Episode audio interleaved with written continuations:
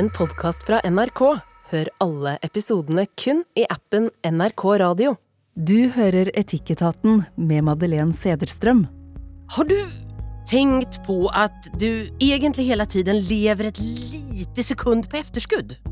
Det tar nemlig en liten brøkdel av en sekund før noe skjer, til at du blir medveten om det. Og det her merker man f.eks. når när kroppen rykker undan handen för, fra varmen før du kjenner smerten, Eller at du rekker å fange opp et fallende barn før du egentlig har oppfattet faran. Din hjerne sammen med kroppen din velger nemlig ut når de syns at själva du kan få ta avgjørelsen. Eller når det er panik og hjernen og kroppen bare tar over.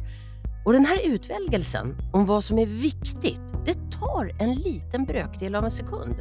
Så du, eller det du uppfattar som själva dejet, lever egentligen en liten sekund på efterskudd. Kul va? Med de här små tankesprangen så sätter vi igång dagens etikettat som idag har följande panel. Författer, föredragshåller, programledare för Luxusfällan, Elin Örjasäter. Relationshövding kallar han sig. Basketbollspiller, föredragshåller, motivator Marco El Safadi. Og instituttleder for filosofi og religionsvetenskap på NTNU i Trondheim, filosofen Heine Holmen. Velkomna! Jeg heter Madeleine Cederström noen några temaene i dag Vem tar chefsavgjørelsen hjemme hos deg?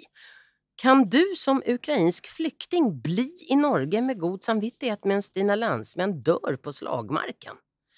Och hvis du og din partner praktiserer polyamorösa forhold, bør du da holde det i skjul for barnen. Ja, till eh, panelet skal vi börja med eh, Heine, hvem bestemmer fargen på veggen og hvor sofaen skal stå hjemme hos dig? Det, det er en kjedelig, det er faktisk en felles avgjørelse. Det er det? Ja, det er det. så, Men, men jeg har kontroll over bokhyllene. Det, det er mitt, mitt domene, for det er, eh, jeg er så glad i å organisere dem. Där er du. Der er jeg. Ja. Men, men hadde hun skiftet farge på veggen, så er jeg ikke sikker jeg har lagt merke til det, for jeg er ganske visuelt dårlig. Så det, det vet jeg er en svakhet. Så hun står relativt fritt der, da. Hvordan er det med deg, Elin? Hvem er det som bestemmer hva soffan skal stå hjemme hos deg? Ja, jeg har jo akkurat bygd et hus, da. Og der har jeg gjort mye vesen av at jeg skal bestemme alt. Eh, For jeg syns mannen min bestemmer alt, eh, alle de stedene vi har bodd hittil. Men han eh, Vi har jo også en hytte. Så der er det han som bestemmer alt. Ok.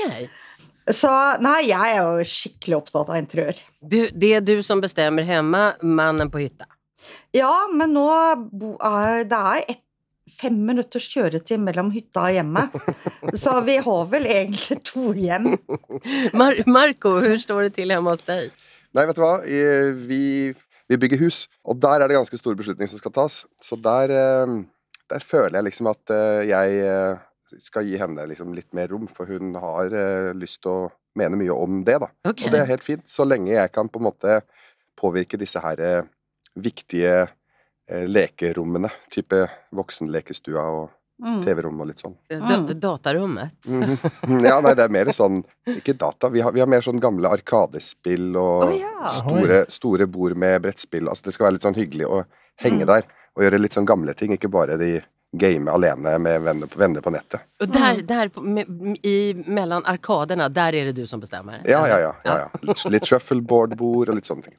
Sånn, ja. Vi har fått eh, en, eh, vi har fått en eh, mail ifrån Hanna som skriver så här. Hej Etikettaten! Jag har över flera år haft en lavmäld diskussion med min partner.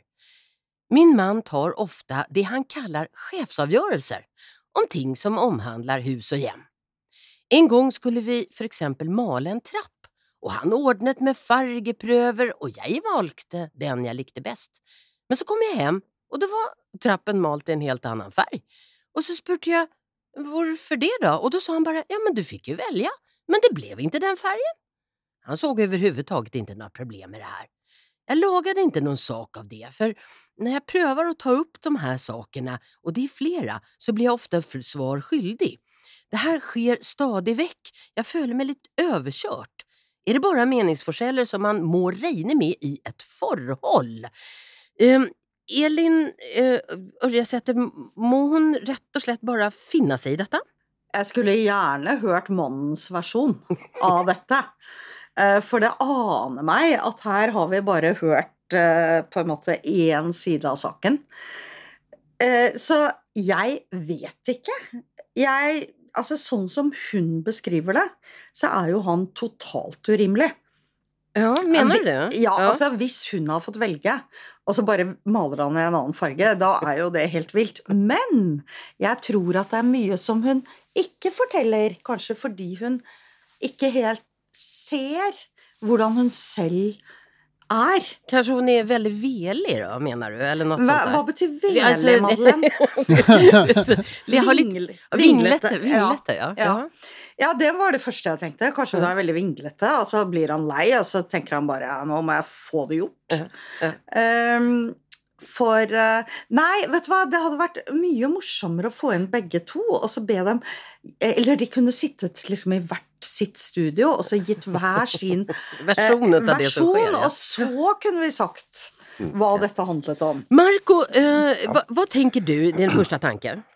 Ja, nei, min første tanke er jo at eh, ja, det, jeg er helt enig med, med Elin om at det, det er alltid viktig å ha begges perspektiv, for det er alltid flere enn én sannhet. Eh, jeg, sett at hun sa 'den liker jeg best, kjære', men, men du må jo få lov å bestemme, du òg. Mm. Den, det er nok, det. Den setningen alene, så har han tolka den Mm. dit hen. At hun liker den best, men du kan få lov å bestemme likevel. Det som av og til skjer, er jo at eh, de som eh, klager på at den andre bestemmer for mye, har jo gjerne tilrettelagt for det i mange år.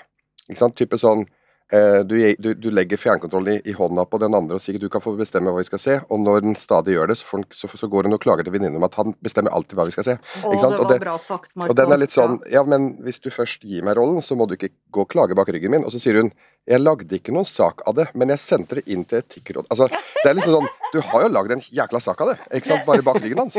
Så, så du skyter deg selv litt i foten. Så jeg tenker sånn Hvis du ønsker å ha mer du skulle sagt, så må du være tydelig. Men, och Heine, jag måste bara fråga, hvis visst det hadde vært tvärtom? Visst det hadde vært en, en, en man som hadde skrevet inn om det her, at kvinn, frun min, hun, hun tar Ja. av sjefsavgjørelser hjemme hele tiden. Hadde vi reagerat likadant?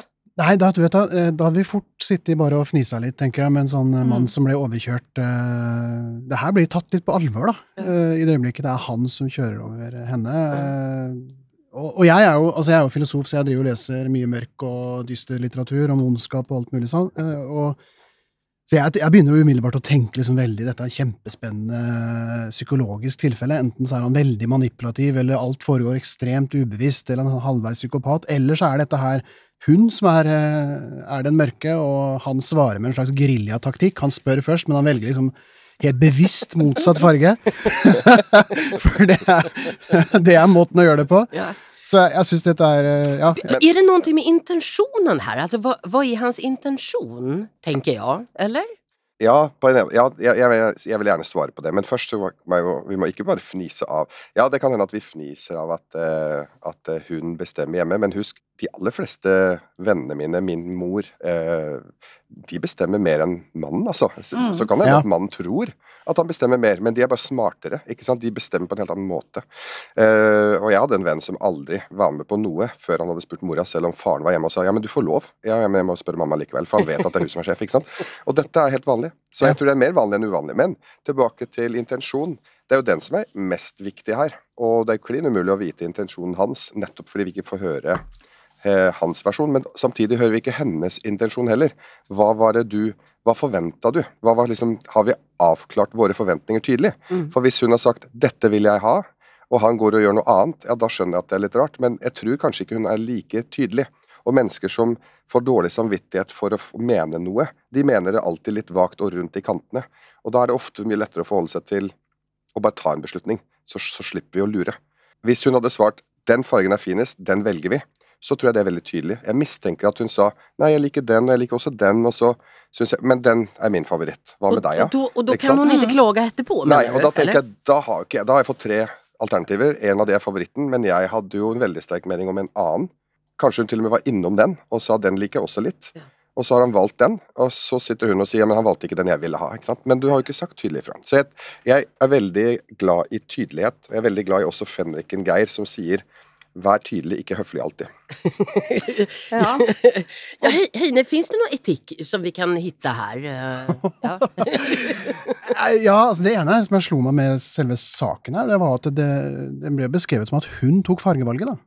Så han kom med prøven, og hun valgte. Så hvorfor har de ikke tatt dette her som en felles avgjørelse? Det, det slet jeg litt med å, Mm. å se i beskrivelsen her. Hvorfor har de ikke lagt ned et vi her? Det er det jeg tenker man burde gjøre. da. Han kom med fargeprøven, de snakker sammen, og så velger de. Og så står de for avgjørelsen eh, sammen. For det, det er kanskje det jeg tenker litt med etikken her, for dette her er jo et sånt fellesskap. Det er jo et fellesrom. Så de er jo en enhet her. Det er jo et, et partnerskap av en slag, og da tar man jo avgjørelser eh, i lag, eh, og ikke på tvers. Men nei, nei, det er jeg enig. Altså, et partnerskap handler om å fordele områdene der man beslutter. Altså, jeg syns det høres helt håpløst ut å drive og diskutere seg fram til fargen en trapp. Man kan heller si sånn Ok, du tar første etasjen av trappa. Jeg bestemmer uh, etasjen. Er ikke, er ikke det mye mer praktisk og mye mer gøy? For da får man jo det akkurat som man vil, i hvert fall i én etasje, da. Halvparten av huset. Nei, Men- Elin, jeg er ikke enig. Fordi tenk, nei, altså, du må jo ha litt, du må ha litt stil òg. Eh, Men Elin, jeg måste bare spørre deg. Kan, kan være vara utsatt for hersketeknikker? Ja, vet du hva, Det ordet kan jeg ikke fordra. Fordi hersketeknikker forutsetter at den som kommer med noe, har en ond intensjon. Og det tror jeg folk veldig sjelden har. Jeg tror det handler mye mer om, om, om egentlig det Marco sa, det der at eh, den ene er utydelig, legger fram noen agn og noen åter, og så biter den andre på ett av dem. Altså, kanskje at det er litt mer sånn dysfunksjonell kommunikasjon. Jeg tror det er veldig få som bevisst prøver å manipulere sin partner. Ja, men det ligger ikke i begrepet hersketeknikker. eh, Det kan jo foregå helt ubevisst. Altså, jeg bruker okay. hersketeknikker eh, ubevisst og prøver å fange meg opp i det. Det er jo en måte å manipulere en situasjon på som vi alle gjør mer eller mindre ubevisst.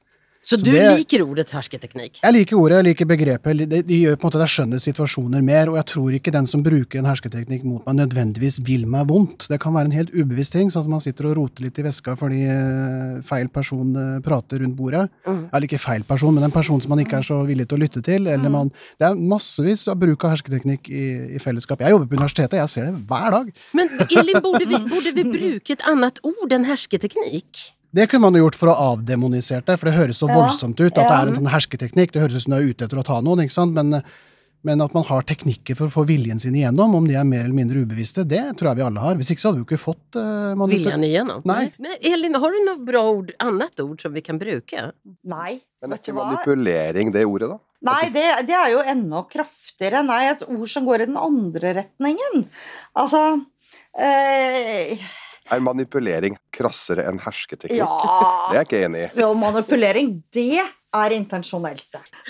Vi går tilbake til uh, våran Hanna, tenker jeg. Skal vi, Mm. Er vi klare for å konkludere litt? Grann?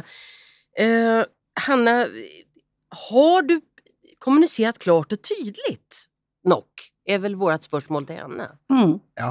Kommuniser tydelig nok, og se om ikke det er mulig å lirke ned et vi der.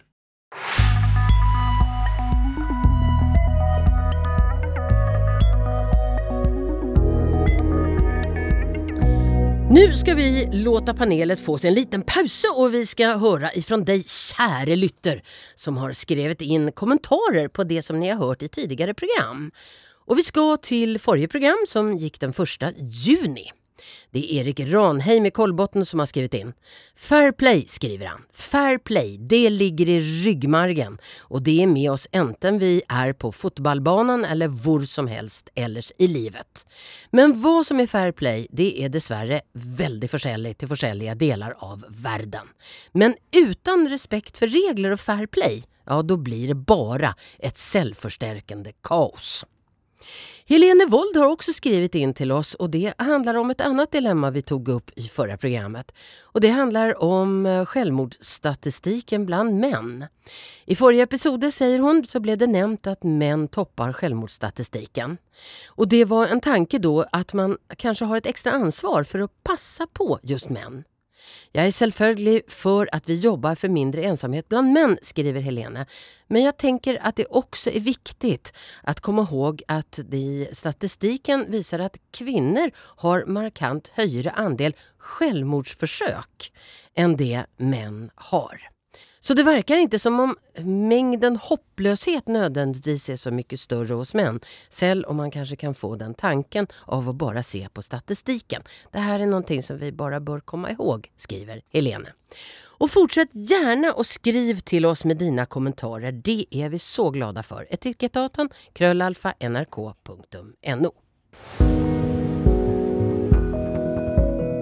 I panelet idag författare och föredragsholdare Elin Ørjasæter, relationshövding, basketbollspelaren Marco El Safadi och filosof Heine Holmen.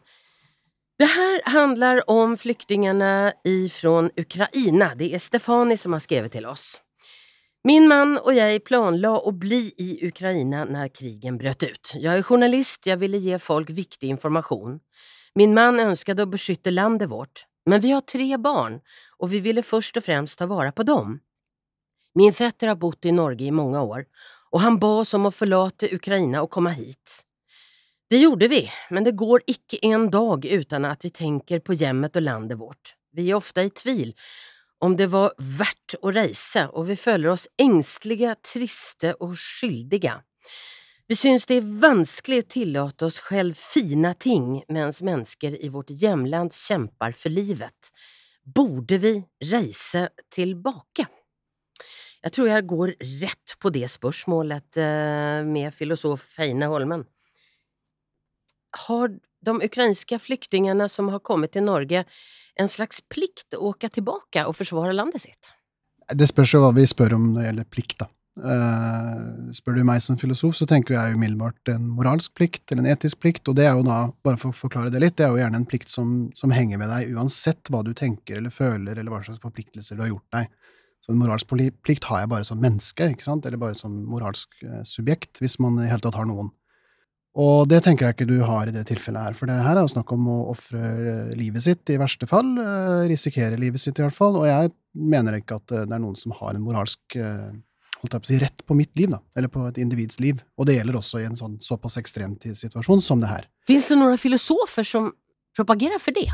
For at man har det? Det, mm. det gjør det absolutt. Eh, fordi hvis du går tilbake til de gamle greske filosofene, så Sokrates eh, var jo helt klar på at du hadde en plikt til å dø for din egen stat. Det er derfor han uh, drakk sitt giftbeger da han ble dømt til døden, med en viss glede, faktisk. Fordi han tenkte at det her skylder jeg staten min å gjøre så lenge jeg på en måte går for lovverket, så skylder jeg dem også å dø, selv om han var uenig i dommen han fikk. Og han, det gjaldt også i krig. Så det er masse filosofer som har tenkt at du har en så sterk oppofrelsesplikt til din egen, til eget samfunn eller din egen stat, mm. blant annet fordi man tenker at individet er kanskje ingenting uten den staten eller den helheten som er rundt, så det er ikke noe mulig på en måte å trekke seg ut, da.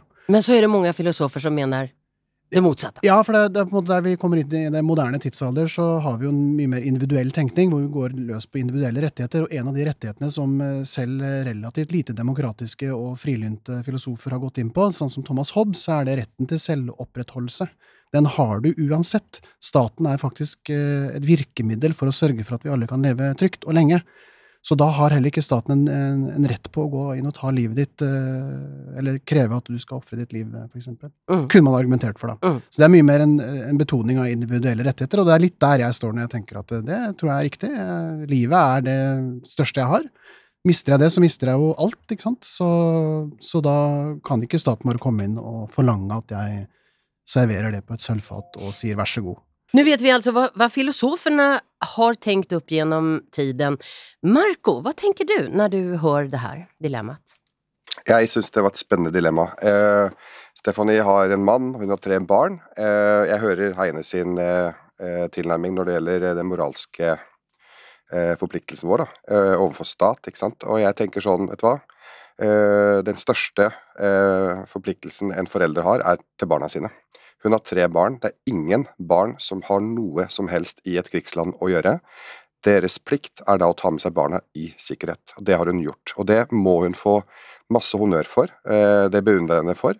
Jeg er selv eh, barn som er født i en flyktningleir, og jeg tenker at hvis ikke mine foreldre hadde tatt det valget å ta meg og mine søsken ut av det helvetet, og gi oss en bedre fremtid, som er deres plikt og deres moralske største forpliktelser, da, så hadde jo de svikta som foreldre. Og jeg tenker at eh, da kan du bare drite i stat. Altså, en stat står eh, uavhengig av de foreldrene. Barna gjør ikke det. Så mm. de barna er avhengig av foreldrene sine for å overleve. Og når du først har satt barn til denne verden, så er det den største forpliktelsen. Å følge de opp til de er selvstendige nok til å klare seg. Men hvis de her barna nå ser ut til å klare seg bra, og fruen klarer seg bra, eh, har han en plikt å åke tilbake da? Nei, han har ikke en plikt til å dra tilbake eh, før barna er voksne. Nei, og, har han en plikt når de er voksne? Eh, nei, det må han velge selv. Jeg tenker at det er helt opp til han. Og hvis han mener at eh, hans eh, kompass drar han tilbake til krigsfronten, så vær så god, all ære til han. Eh, faren min var jo en soldat i ti år, og han valgte kamp i ti år som, eh, som soldat for å frigjøre Palestina. Og når han på et punkt så at uh, lederne hans ikke lenger representerte de verdiene han står inne for, som begynte å ta imot betaling og korrupsjon under bordet osv., så, videre, så mente han at han ikke skyldte sin stat noe lenger. Ikke sant? Litt sånn som Heine sier. Da, mm. da var det sånn, veit du hva, jeg har fire barn og kone. De skal jeg eh, nå forplikte meg til. Og så tok han oss med seg og reiste. Og med det så ofra han også kontakt med hele storfamilien sin. ja, for at man blir fort fordømt. Hvis ja, man gjør en sånn sak. Og, og, det kan hende, men de som fordømmer, eh, hvem er det, da? Ikke sant? Jeg tenker sånn, Det vi må si til Stephanie, er jo hvem er det du lytter til? Og, og, og, hvem skal mene hva som er rett og galt for deg som mamma til dine tre barn? Eh, og det samme gjelder faren. Så jeg tenker at eh, det vil alltid være sterke meninger fra andre. Det man må lære seg for å bli lykkelig, det er jo eh, nummer én ikke lev for lenge i fortida. Ikke lev for langt fram i tida. Lev i nuet. Og det tredje, pass på at ikke du eh, driver og sammenligner deg og måler din verdi basert på hva alle andre mener. Så det er liksom sånn De mm. fellene går vi i. Eh, og, all, og, jeg må si til Stephanie liksom, jeg forstår den dårlige samvittigheten hun sitter med. Jeg forstår den. Og så vil jeg utfordre han ikke sant, med å si ta en runde med deg selv. Spør deg selv hva, hvem er det du skylder noe? Mm. Hvem i denne verden er det du faktisk skylder noe? Og hun vil sannsynligvis komme fram til det som jeg prøver å si. Det er de tre barna eh, sammen med mannen sin. Og så er det mange måter man kan bidra tilbake til Ukraina. Du kan sende penger til de som trenger støtte, du kan eh, være en god ambassadør for Ukraina, sånn at det norske folk fortsetter å huske Ukraina også når, det, når mediebildet endrer seg. ikke sant? Plutselig så har det gått tre år, og det er fortsatt krig. Det er fortsatt elendighet, og nordmenn har kanskje glemt eller lei av å mm. tenke på krigen i Ukraina. Og da er det lurt at det er noen som fortsetter å, å fremme behovene til eh, det ukrainske folket. Og så er det veldig viktig også å passe på at ikke du ødelegge ditt eget liv med dårlig samvittighet bare fordi at du ikke fordi de andre lider, så må jeg også lide med de. Det tenker jeg det er det ingen som tjener på. Det er men, som å kaste Elin, energi ut av vinduet. Elin, du skal få komme inn alldeles, alldeles straks, men jeg må ha en motfråga mot, eh, til Marco. For at hvis alle sa så som du sier nå, mm. så skulle det jo ikke være noen kvar å stride kanskje? Nei. Nei, vet du hva, jeg tenker så banalt enkelt som dette. Hvis det er så ille at det ikke er flere menn i fronten fordi alle pappaene dro og tok vare på barna sine, så har de gjort en riktig prioritering basert på barnas behov. Og så får andre steppe opp, da. Så får kanskje andre steppe inn og hjelpe Ukraina, da. Når Russland bare raser inn og tar Kiev. Fordi at på et punkt så er det sånn er det virkelig sånn at pappaer skal ofre livet sitt når de egentlig har forpliktelse til å oppdra barna sine? Jeg mener jo nei. Elin, nå må du få lov å komme inn her. Elin, hva tenker du? Nei, jeg sitter bare og lytter, for jeg syns egentlig det er ganske interessant å bare høre på. Når, når jeg fikk lest opp dette brevet fra Stefanie, så følte jeg bare enorm respekt for det eh, dilemmaet hun står i. Og jeg syns det er vanskelig, som en som liksom er oppvokst i trygge Norge og aldri har opplevd krig, og egentlig mene så veldig mye, men min gut feeling, for å kalle det det, går jo i retning av det samme som Marco sier. At man har en sterk forpliktelse overfor sine barn. Og jeg vil kanskje trekke det enda lenger og si at alle i en viss alder har en forpliktelse overfor de som er unge. Eh, jeg har jo Jeg husker i starten, når det var eh, en masseflukt fra Ukraina, så snakket jeg med noen som mente at de kunne ikke dra, for de måtte ta vare på sine gamle foreldre. Eh, og hvis du setter dine gamle foreldres behov over behovet til dine barn, da tenker jeg det er en feil prioritering. Der er nok jeg veldig jeg tror dette er forskjellige ulike kulturer, men jeg er nok veldig vestlig på den måten at jeg opplever at det er barna, ungdommenes sikkerhet, som alltid må veie tyngst. Og samtidig ser jeg dilemmaet. Hvem skal være igjen og kjempe hvis ja, alle pappaene ja, drar? Precis. Ja, det er ikke det. Men det er jo det grusomme med krig. At det fins ikke et perfekt valg. Uansett hvilket valg du tar, mm. så blir det feil på en eller annen måte. Hvordan skulle du gjøre om plutselig Norge ble anfallet? Skulle du stanna og kjempe, eller skulle du fly? Eh, jeg ville vel tenkt bare én ting. Nå må jeg gjøre meg selv nyttig overfor mine barn, som selv har barn. Eh, jeg må Altså, er det mest nyttig for dem at eh, gamlemor eh, blir kanonføde hjemme i Norge, så gjør jeg det. Er det nyttig for dem at jeg bærer en baby over grensa til Sverige, så gjør jeg det. Og jeg er litt sånn Jeg er jo supernevrotisk, for jeg tenker masse på det. Når jeg trener på tredemølle, så tenker ikke jeg at nå skal jeg bli slank. Jeg tenker nå skal jeg bli sterk nok til å klare å bære en baby over til Sverige. Eh, og når jeg går tur i skogen, så tenker jeg nå må jeg lære meg hva som er spiselig, sånn at jeg kan være nyttig den dagen familien min sulter. Men jeg er jo litt gæren, da. Ja. Heine, stanna eller fly? Du, jeg, altså jeg er filosof. Jeg kan jo ikke si at nytteverdi har vært uh, styrende for mine livsvalg. Da hadde jeg jo ikke sittet i den stolen jeg gjør. Så det, det kan jeg ikke påberope meg. Og, eh, og, jeg vet vel eh, Jeg vet jo faktisk ikke hva jeg ville gjort i en krigssituasjon, for det er jo så ekstremt. Det er jo som Elin sier, det er jo en veldig ekstrem situasjon. Det er en moralsk tragedie hvor ingen valg blir riktige. Mm. Så, så jeg, jeg, vet ikke om jeg hadde blitt værende, altså. Men dilemmaet med hvem når, Hvis ingen blir igjen, det er jo selvfølgelig et spørsmål. Marco, ja? du eh, stanna eller fly? Nei, altså Poenget er jo når du har levd og opplevd eh, flukt, så har du jo et forhold til det. Det er ikke noe jeg filosoferer over, det er noe jeg har bestemt meg for. Og jeg hadde jo selvfølgelig først og fremst eh, tatt med barna mine og dratt til sikkerhet. Det er det liksom ikke tvil om. og det, eh, For meg er det en sånn no-brainer. Det handler rett og slett om min plikt. Men, men fins det, det en, en, en gräns der, der, der du skulle ha sagt nå er barna i sikkerhet, nå er min fru i sikkerhet, allting ser bra ut, jeg kan dra tilbake? Ja, det kan jo hende at det kan komme, men uh, det kan jeg ikke svare på nå. Men klart er det sånn at uh, på et punkt Barna mine er i sikkerhet, de, har, de klarer seg uten meg. Uh, jeg er på en måte Jeg har gjort min viktigste jobb, men på et eller annet punkt så må man vurdere. Når er det viktig eller riktig å dra tilbake? Men når det gjelder denne familien her, da, så mener jeg at bare det i seg sjøl, at de har dårlig samvittighet, tyder jo på at de er veldig gode mennesker i kontakt med samvittigheten sin, ikke sant? og som tenker på eh, det store bildet, selv om de er kommet til Norge og er i trygghet. Så det skal de ha masse kred for. Og så ønsker jeg bare å si til henne og familien eh, det hjelper ikke å, å, å, leve med dårlig samvittighet og, og, ikke få lov å unne seg å ha det bra mm. når du er i Norge, fordi andre har det vondt. Det er liksom sånn da, kunne, da, da hadde ikke jeg klart å leve. For jeg har jeg har et helt folk jeg, i Palestina som har, som har, eh, vært okkupert i hele mitt liv. Ikke sant? Og skulle ikke jeg fått lov å bygge meg et godt liv av den grunn? Jeg tenker nei, jo, det må jeg få lov til, og så, og så kan jeg gjøre mine bidrag. Jeg har uh, vært med å bidra med å bygge opp en fotballbane, med å bygge opp et kulturhus, med å bygge opp de tingene jeg kan betale for, og skape eh, oppmerksomhet rundt Palestina-konflikten. Det er et bra bidrag. Og så har jeg en plikt overfor familien min.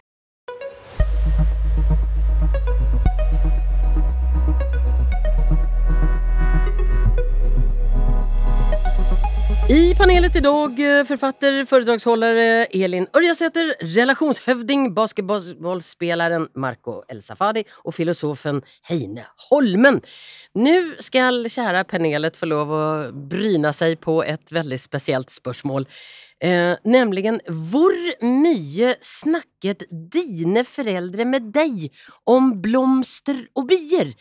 Elin Ørjasæter, var du en eh, opplyst barn og, og tonåring av dine foreldre? Svært. Jeg skulle gjerne vært det foruten. Eh, jeg vokste Jeg var jo barn på sent 60-, tidlig 70-tall.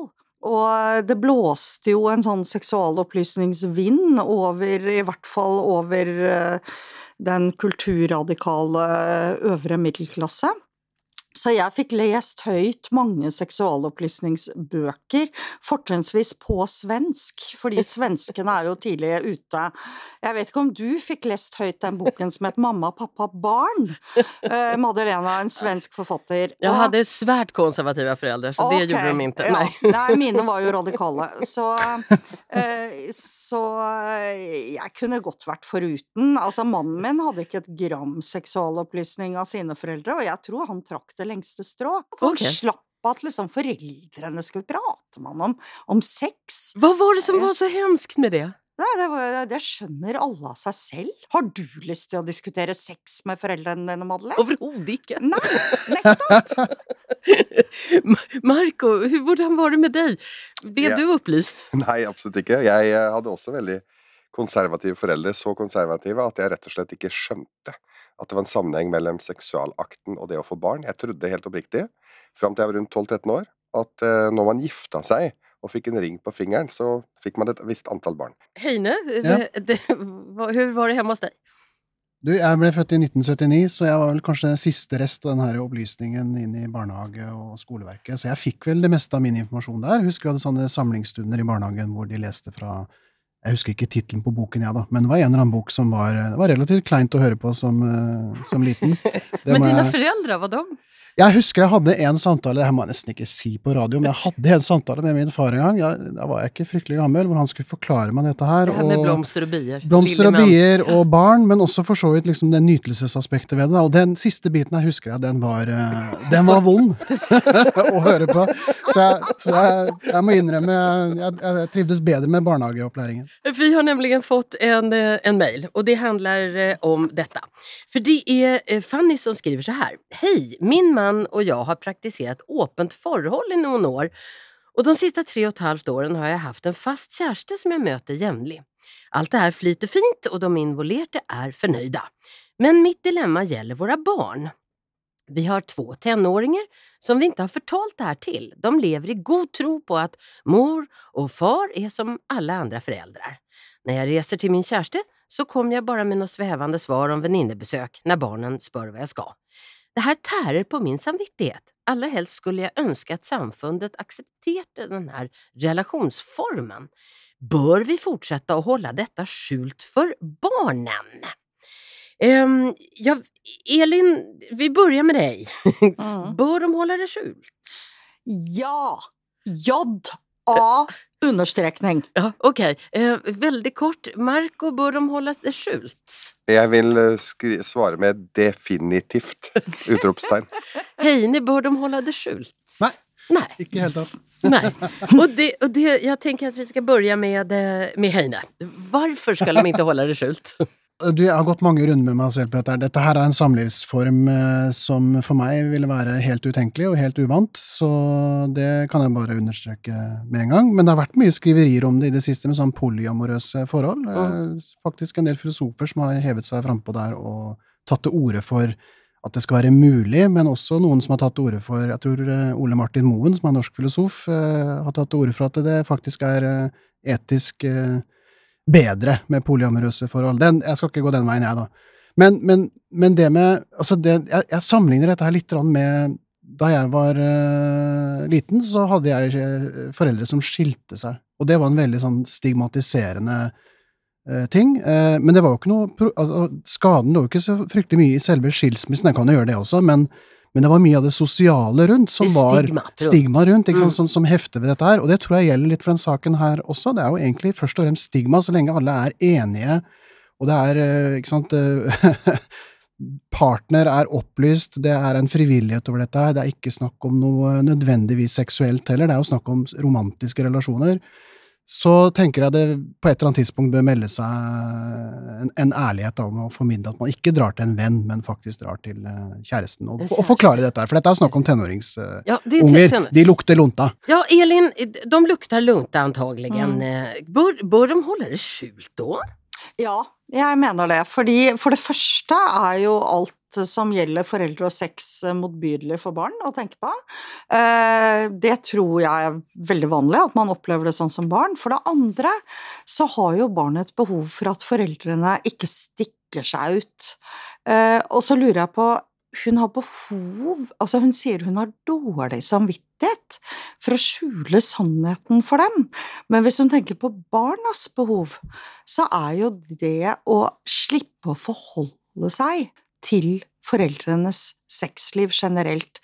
Og så må jeg si at jeg har mye mer sympati for et for ektefeller som eh, ligger med andre eh, i forståelse med ektefellen. Jeg har jo mye mer- sympati for det enn et, et utroskapsforhold som egentlig hvor den ene blir bedratt. Men barna skal få slippe å forholde seg til dette. Men, men eh, låt oss si at hun hadde vært bifil. Ja. Hadde, hadde, det vært riktig av henne hålla Nei, det nei, altså herregud. Bifile er jo akkurat som andre. Enten så får de bestemme seg for å være monogame, og da velge å være sammen med det ene kjønn. Men hva, Eller så får de gå- forskellen här med Elin? Hva er forskjellen mellom mellan erkjenne at att man er polyamorøs eller bifil? Hva er forskellen? Nei, nå skjønner jeg ikke hva du spør Nej, om. men, Altså, om, om, om, säg att mamman här, i, i det här fallet, hon, hon, eh, hon hade varit bifil ja, ja. och, och, och det, hon levde ut det forholdet. ja, da bør hun fortsatt skjule det for sine okay. barn. Mm. Okay. Altså, barn skal slippe å være del av et seksualpolitisk prosjekt. Marco, du er enig med Elin eller?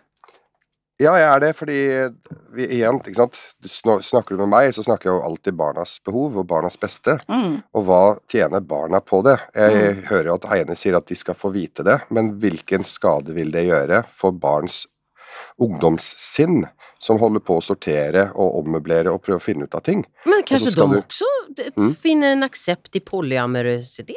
Ja, da får ja, de finne hende. ut av det Men skal en ungdom gjøre det? Da tenker jeg sånn, hvis, hvis vi skal begynne å lære ungdommer å leve i sånne forhold, da kan, du få, da kan du banne på at det blir kaos i å prøve å etablere seg i et seriøst forhold for Ja, en men, ungdom. men vi, vi Ikke sant? De sliter sliter jo nok som det er med å finne ut av om de er homofile eller ikke, om om det er det eller det. La de få lov til å gjøre det først, da. Ikke sant? Før vi begynner å hive på dem at Men foreldrene synes- holder på. Jeg Så jeg syns Marco sånn- Marco er inne på noe veldig vesentlig. Jo, men vi veit jo alt om hvordan ungdomshjernen ikke er ferdigutvikla. De, de forstår ikke konsekvenstenkningen enda. Ikke sant? Hva er konsekvensen av at hvis jeg gjør sånn kontra sånn? La dem få lov å bli voksne i fred, og Ja. så kan de få lov å komme med 'mamma og pappa har levd i et sånt forhold i 20 år'. Det er mye mindre skadelig enn hvis du sier det til en 13-14-åring midt i sin verste ommøbleringsfase. da. Og for alle som har liksom jobba med ungdommer en stund, skjønner jo at de er såpass sårbare at nå må vi verne om dem til de har fått landa ordentlig. Mye lettere å si det til en 20-åring enn til en 13-åring. Så, så det behovet denne mammaen har, det er veldig egoistisk. Da må du begynne å tenke sånn er det mine barn som trenger det, eller er det jeg som har lyst til å slippe dårlig samvittighet? Og da tenker jeg sånn, hvorfor skal du gå og ha dårlig samvittighet for, overfor barna dine? For det, de har jo ikke noe med det. Enda. Eh, og så kan du få lov til å Men det, Fortelle kom, dem det men, det, men det, det kommer et tidspunkt når hun skal fortelle det, Ja, mener du? og det må hun gjerne gjøre, men da må barna ha fått lov å få sine? Da må de lande, de må, de må få lov å få etablert seg i livet. Og så kan de få lov til å liksom ta imot denne beskjeden. Og så blir det litt sjokkerende, og etter hvert kanskje til og med en lettelse, fordi de har ant at det har vært et eller annet. Og så vil det kanskje bli en god samtale, men det tror jeg ikke du får hos en 13-åring som skal forstå dette her midt oppi alt det andre. Så Heine, det du- vil jeg bare jeg, Ja. det Heine, du får, du får forsvare. forsvare. Du, altså Det er jo veldig individuelt, da, selvfølgelig. Det er jo helt avhengig av tenåringene. Og det er jo helt avhengig av, og jeg er jo enig i at uh, hvem sitt behov som skal gjelde her, bør jo analyseres. Man bør jo ikke tenke at dette er et sånn voldsomt behov bare fra, fra morens eh, side. Men eh, samtidig så Jeg kan ikke helt se den store problematikken her. For det, for det første så tror jeg dette med polyamorøsitet det er en kjempesnakkis. Masse som diskuterer dette her, og de vet sannsynligvis mye mer om dette her enn det jeg gjør de tenåringene. Eh, Fordi det blir diskutert, det er noe som folk snakker om. Dette kommer nedenfra. Det kommer ikke bare fra, fra foreldre som, eh, som er litt eh, eksperimentelle. Det er det ene. Og det andre er at det, det, det er ingenting her som nødvendigvis dreier seg om sex.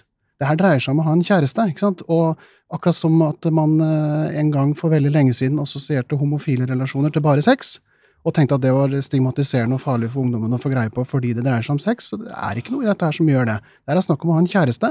Og det er jo selvfølgelig, sex kan være involvert, er sannsynligvis involvert, men det gjelder jo også med det partnerskapet som, som ga opphav til foreldreskap i utgangspunktet. Så det her er jo ikke noe annet enn at det er en ekstra person. Men det som gjør det på en måte gjør det til en, eh, en, noe man bør tenke nøye gjennom, det er jo at det her er ikke snakk om en forelder. Det er ikke snakk om en person som har noe i foreldreskapet å gjøre, nødvendigvis. For det her er snakk om en kjæreste som moren har, og ikke nødvendigvis en person som skal være en voksenperson i barna sitt eh, liv på noen som helst måte. Så de kan få slippe å forholde seg Ja, det er jo litt avhengig av saken her, da. Men mm. jeg har for eksempel, jeg har jo fire foreldre. Jeg har to uh, steforeldre på hver sin kant. ikke sant? Det, så jeg har fire voksenpersoner i mitt liv. Mm. Det har vært uproblematisk. Uh, så det er litt det samme her, da. Har de en plan om å, at dette skal være en ekstra voksenperson, eller ikke? Det er jo selvfølgelig et spørsmål. Mm. Men jeg har et spørsmål til Heine. Heine, du sier at eh, polyamorøse forhold blir mer og mer vanlig, og at det kommer nedenfra. Har du noe statistikk på det, eller? Jeg, tror jo alltid at det har vært eh, en del, hva skal jeg si, at man har tilfeller av at folk har litt parallelle ting gående med eller uten ektefellens vitende. Men hvorfor tror du at dette er så økende? Rett og slett bare fordi det blir diskutert av unge mennesker som ja, Har du eh, statistikk på det? Statistikk sitter jeg ikke med. Jeg er ikke statistikker. men altså... jeg har, har, veldig gode bøker. Altså, det er en bok her som jeg sitter med på bordet her, av Carrie Jenkins som heter What Love Is, hvor hun snakker om polyamorøsitet som da et fenomen som hun har tatt til orde for i, i, USA, og hun baserer seg på data fra, fra annet unge. Og, og, det er jo ikke snakk om swingers her, ikke sant? det her er jo snakk om etablere et, eh, et kjærestesforhold i tillegg til det å ha en partner. Og igjen, jeg understreker, for meg er det her helt uaktuelt. Jeg har helt trygt og godt uh, forhold, så jeg dette, jeg hadde ikke hatt lyst til å gjøre dette i det hele tatt. Jeg er helt enig med Marco om at dette høres kjempekomplisert ut. Det er jo mer enn nok med én partner. Men Elin, vi, hvis vi sier så her, for 1964, hvis vi var i en familie, mm. og så, no, så, var det noen som spurte er det noen som er homoseksuell i denne familien, så hadde alle sagt nei. nei. Og så visste alle at onkel Kåre åkte til Oslo mm. en gang i måneden. Mm. Eh, eh, kan det bli likadant her, at polyamorositet det kommer å bli såpass vanlig at det er like bra at vi begynner prate om det? Jeg får si det om igjen. Svaret er nei. Fordi? Fordi dette er noe barna skal slippe å forholde seg til. Barn er ikke glad i å se for seg sine foreldres seksuelle situasjoner, og de er heller ikke glad i foreldre som skiller seg ut, og de skal for all del slippe å være en del av foreldres frigjøringsprosjekt, og da i særdeleshet seksuelt politiske frigjøringsprosjekt. Men i så fall så kanskje vi bare sementerer det her med monogami i, ja, i flere generasjoner? Syns du det er grusomt, Madeleine, om vi sementerer monogamiet? Jeg syns faktisk det er helt utmerket med tanke på barns oppvekst. ja, hva, hva sier Heine? Nei, Vi må ikke trekke for langt det der hensynet til disse unge. De er ikke så skjøre. Vi snakker om snowflake-generasjonen og alt mulig sånn, men er, de er ikke så skjøre. De takler homofile relasjoner, de takler bifilitet, de takler jo aseksualitet. Dette her takler de helt fint, sannsynligvis mye bedre enn oss, da. Hvor mye de, har du jobba i ungdomsmiljøet, Heine?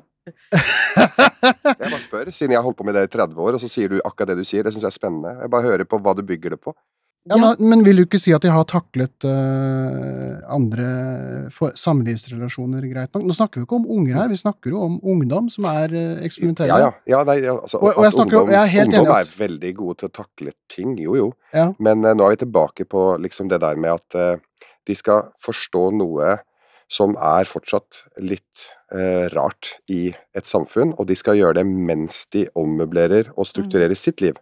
Og de skal prøve å finne ut av sine relasjoner. Finne ja. ut dette med kjærester, og skal ha en kvinne, jente, gutt, kjæreste. Ja. Eh, alle kjønn som har kommet. Altså det er så mye ungdom driver forholder seg til nå.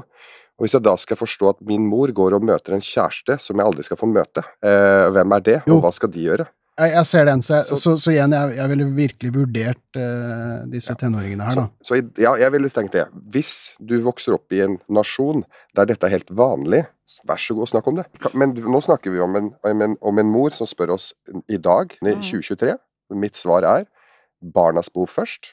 Hvis samfunnet i 2027 ser sånn ut at dette er helt, helt vanlig, og ungdom eh, klarer å prosessere det like godt som de har gjort alt annet, så tenker jeg det er helt nydelig at vi fortsetter å snakke med ungdom om ting som er åpent og fint og lett å forstå. Men dette her er ikke lett å forstå for en 13-åring som skal svelge det. Apropos å stikke seg ut, da. Skal jeg åpent fortelle dette til alle mine venner, og så skal de fortelle det til sine foreldre, og det skal ikke slå tilbake? Jeg tror at folk vil begynne å dømme eh, denne familien hvis det kommer åpent ut. Hva tror du, Heine? Ja, men eh, det, det, du, du, kan risikere det. Så det er selvfølgelig noe du skal ha i, i, i bakhodet i forhold til eh, å involvere dine egne barn i den type livsprosjekt. Men jeg, jeg, kjenner veldig mange som også har hatt veldig sprelske, eh, eksperimentelle livsprosjekt. Alt fra transpersoner til eh, Og på en eller annen måte så Det er jo uvanlig, det også, ikke sant? men likevel ikke et argument for å holde det eh, igjen. Ja, men, så det, ja, så det her er jo det. Men, men det er litt i samme gata, da, tenker jeg at det er Ja, det er uvanlig. Eh, og det kan selvfølgelig være en betraktning, men ikke, jeg tenker ikke at man i hvert fall per automatikk alltid skal beskytte unge fra det som er uvanlig. Jeg tror vi kan konkludere Fanny, med at vi er uenige. Det er vi. I all vennskapelighet. I all vennskapelighet. Et siste tips til Fanny det er jo at det du gjør, vil jo få ringvirkninger på, på den ene eller andre siden. Så, så, til slutt så er det jo sånn at eh, barnet ditt, hvis du, hvis du forteller det, så vil jo barnet ditt fortelle deg hva de syns om det om 20 år.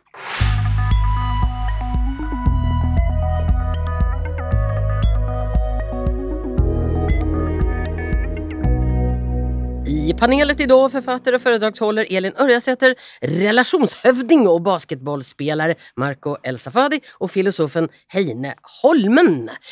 Arbetsgivares tester ska vi prata om nu. För arbetsgivare testar ju sina ansatta för en hel del saker. Nu ska vi få exempel på en test eh, som selvfølgelig ikke er reell, men eh, som setter saker og ting på sin spets. Når dere skal jobbe her i Lykkeland, må dere alltid smile.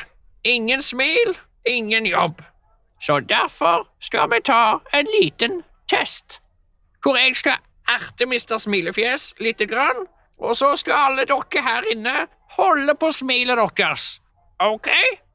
Det er tidenes enkleste test. Ja. Mister Smilefjes, du ser skikkelig fjollete ut. Oi, der tok du meg! du er over 40 år gammel, og så jobber du for minstelønn i en fornøyelsespark. Du er patetisk, Tore. Det er bra du har kostyme på deg, for du er så stygg i trynet. Og alle vet at Trude forlot deg fordi at penisen din ikke fungerer lenger. Oi, dette er sjukt. Ja, jeg vet, men jeg trenger denne jobben. Vi må bare fortsette å smile. Ja, riktigt så här går det väl kanske inte till. Det här var Norska grønnsaker som gjorde en bitteliten gröna parodi på dette med tester i arbetslivet. Men altså, arbetsgivare tester sine ansatte for ekstremt mye. Og det finns eksempel på at bedrifter kjører sine ansatte gjennom intelligens- og personlighetstester for å bestemme hvem som skal sis opp, til og med. Eh, når du ansetter en person så har du altså ikke lov til å spørre om legning og livssyn og livssituasjon, men utrolig mye annet. Og hvilke verdier er det som ligger bak de her testene? Først til panelet. Ehm, det rareste du har blitt spurt om, Heine, hva er det? Du, det må nesten spørre. Det er jeg som spør. Jeg er arbeidsgiver. Ja, ja Hva er det, det rareste du spør om? Uh, ja, jeg er jo opptatt av filosofi, så kanskje det er litt det det, det går av. Hva, hva, hva, de tenker om uh, Nei, du, hva de tenker om døden og etikk og Hva tenker du om døden? Det ja, har du spurt, altså? Det har jeg spurt om. Ja, ok. Elin, hva er det det rareste du har blitt spurt om? jeg kommer faktisk ikke på noe rart jeg har blitt spurt om. Jeg har nok vært i veldig kjedelige jobbintervjuer, men jeg har jo svart mye rart. Ja, Hva er det rareste du har svart?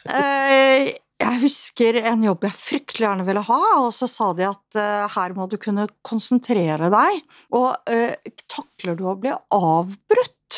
Og så sa jeg ja, men det blir jeg hver eneste dag, for når jeg har fordypet meg på lesesalen, så ringer de fra barnehagen og sier at sønnen min er sjuk. og idet jeg hadde sagt det, så tenkte jeg å, fader. Det jeg har sagt nå, er jo at jeg har masse fravær. Og ganske riktig, jeg fikk ikke jobben. Vet du om det var det som gjorde det? Nei, de sa at de ville ikke ha meg, for de syntes jeg var for tøff. Eh, de tenkte at hun der eh, Det blir bare krig. Marco, hva er det rareste du har blitt spurt om, eller har du blitt spurt om noe? Nei, jeg har nesten ikke vært på jobbintervjuer, for jeg har jo på en måte starta egne stiftelser og holdt på, så da har jo jeg vært arbeidsgiver som Heine mer enn jeg har vært arbeidstaker, på en måte. da. Mm. Men jeg hadde syntes det var dritkult hvis jeg ble spurt hva syns du om døden på et jobbintervju?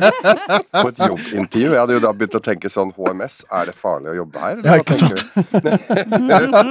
han der er uredd, han ansetter vi. Eh, han kan bli kanonføde. Nei, altså, jeg, jeg, jeg syns det var et veldig kult spørsmål, da.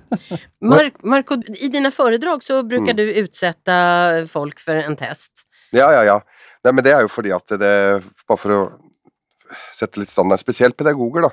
Hvis jeg har eh, pedagoger foran meg, så kan jeg gjerne spørre så De skal sjekke relasjonskompetansen din. Nå skal vi teste den. Og bare med å si det, så skvetter jo folk, sant? for de blir jo livredde. For å liksom Hæ, skal du måle meg på hvor god jeg er på relasjoner? Ja, for det er jo det det handler om. Og så bare for å minne om at eh, hvis du syns det var skummelt, da, så skal du vite at vi driver daglig og måler barns kompetanse på karakternivå, ikke sant? og hva vi utsetter andre for. Hvis du spør folk skal du ta en IQ-test, vi er jo livredde for ikke å være smart nok, ikke sant. Og det sier jo bare noe om eh, hva disse barna blir vant til, da. Så jeg liker bare å gjøre det av, av og til for å liksom, sette en standard. Men eh, det er fint å ha andre verktøy å vurdere ut ifra, Mm. fordi magefølelsen, den bør du ikke følge. For det å være god i et intervju betyr ikke dermed at de er gode til verken å samarbeide med andre eller å gjøre jobben godt. Mm. Så derfor så er det liksom sånn ja, Du er nødt til å se folk for noe mer enn bare hvor flinke de er til å selge seg selv. Fordi ofte, i starten spesielt, så ble jeg jo veldig lurt av de som var utad, utadvendte og sjarmerende. De var jo veldig gode i jobben sin, ikke sant? fordi de var flinke til å selge seg selv, mens de stille, de var ikke like interessante. Og så har jeg ofte med tida erfart at det er ofte de stille som har de mest gjennomtenkte og gode svarene hvis du lytter og gir dem tid, ikke sant? og hvis du blir kjent med dem. Så vi trenger alle typer på en arbeidsplass, og, og jeg har med, med åra erfart da, at eh, skal du ha et komplett lag, så må du ha alle typene. Og nå eh, jeg ordet egentlig til deg, Elin Ørjasæter, fordi dette er et av dine spesialfelt. Dette jobber du med. Ja da. Jeg underviser eh, også i rekruttering. Jeg har vært headhunter i en del år, og jeg er sertifisert på ganske mange av disse verktøyene, og, og har testet gud vet hvor mange hundre, kanskje tusen personer, jeg vet ikke. Både evnetester og personlighetstester. Og så har jeg lyst til å kommentere det du leste opp først, Madeleine. Mm. Fordi der sier innsenderen at dette blir brukt også for å finne ut hvem man skal si opp.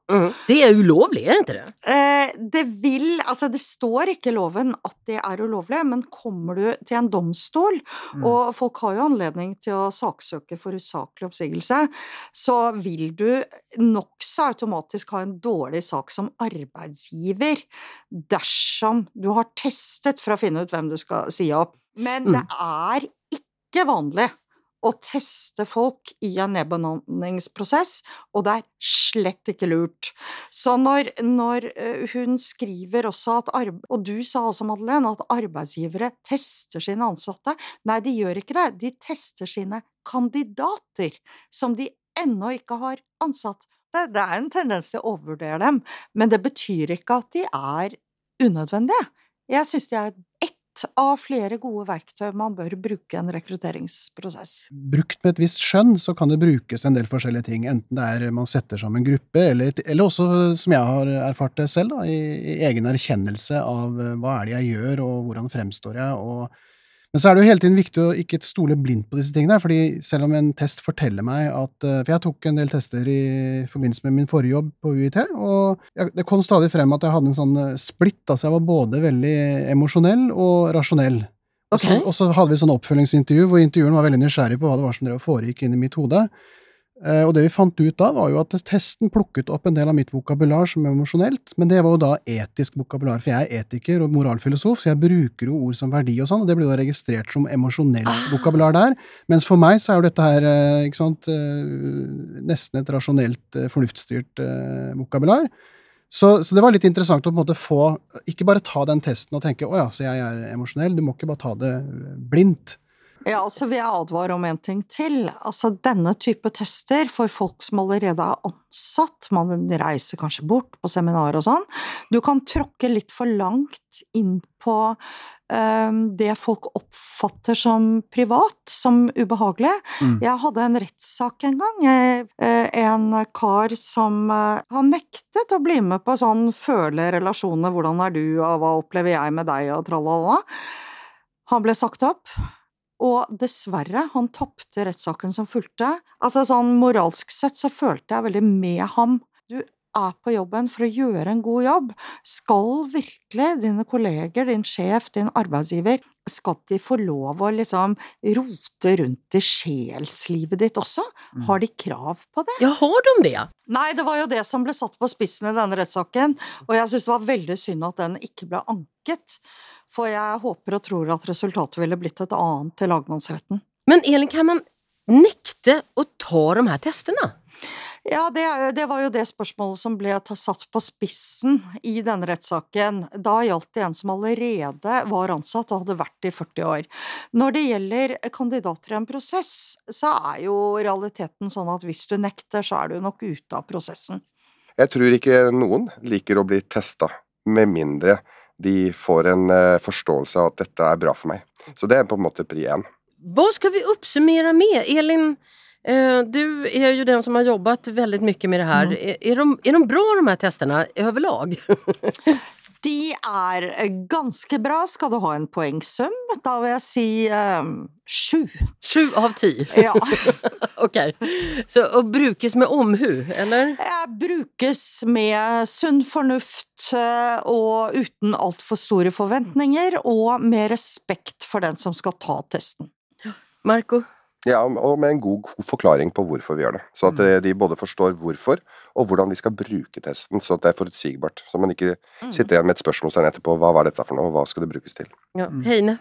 Jeg, jeg slutter meg til begge foregående, men, men legg til bruk det bare når det er nødvendig. Det er så mye tester nå, så det hadde vært fint hvis vi fikk ned tallet. Tusen takk! Nå har jeg testet dere, i alle fall. Då, kära lyttare, hoppas jag att du har tankesprungit lite grann med oss idag och blivit lite åndlig andpusten. Och hvis du har kommentarer, tankar eller kanske till och med ett dilemma till oss så skriv till etikettaten krölalfa nrk.no. På appen NRK Radio så finner du både det här programmet och många, många andra.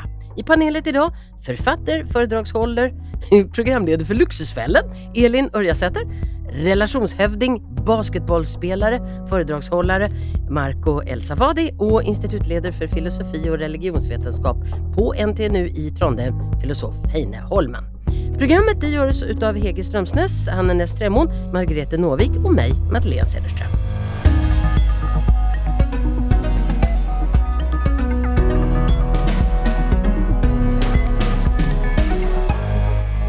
Du har hørt en podkast fra NRK. Hør alle episodene kun i appen NRK Radio.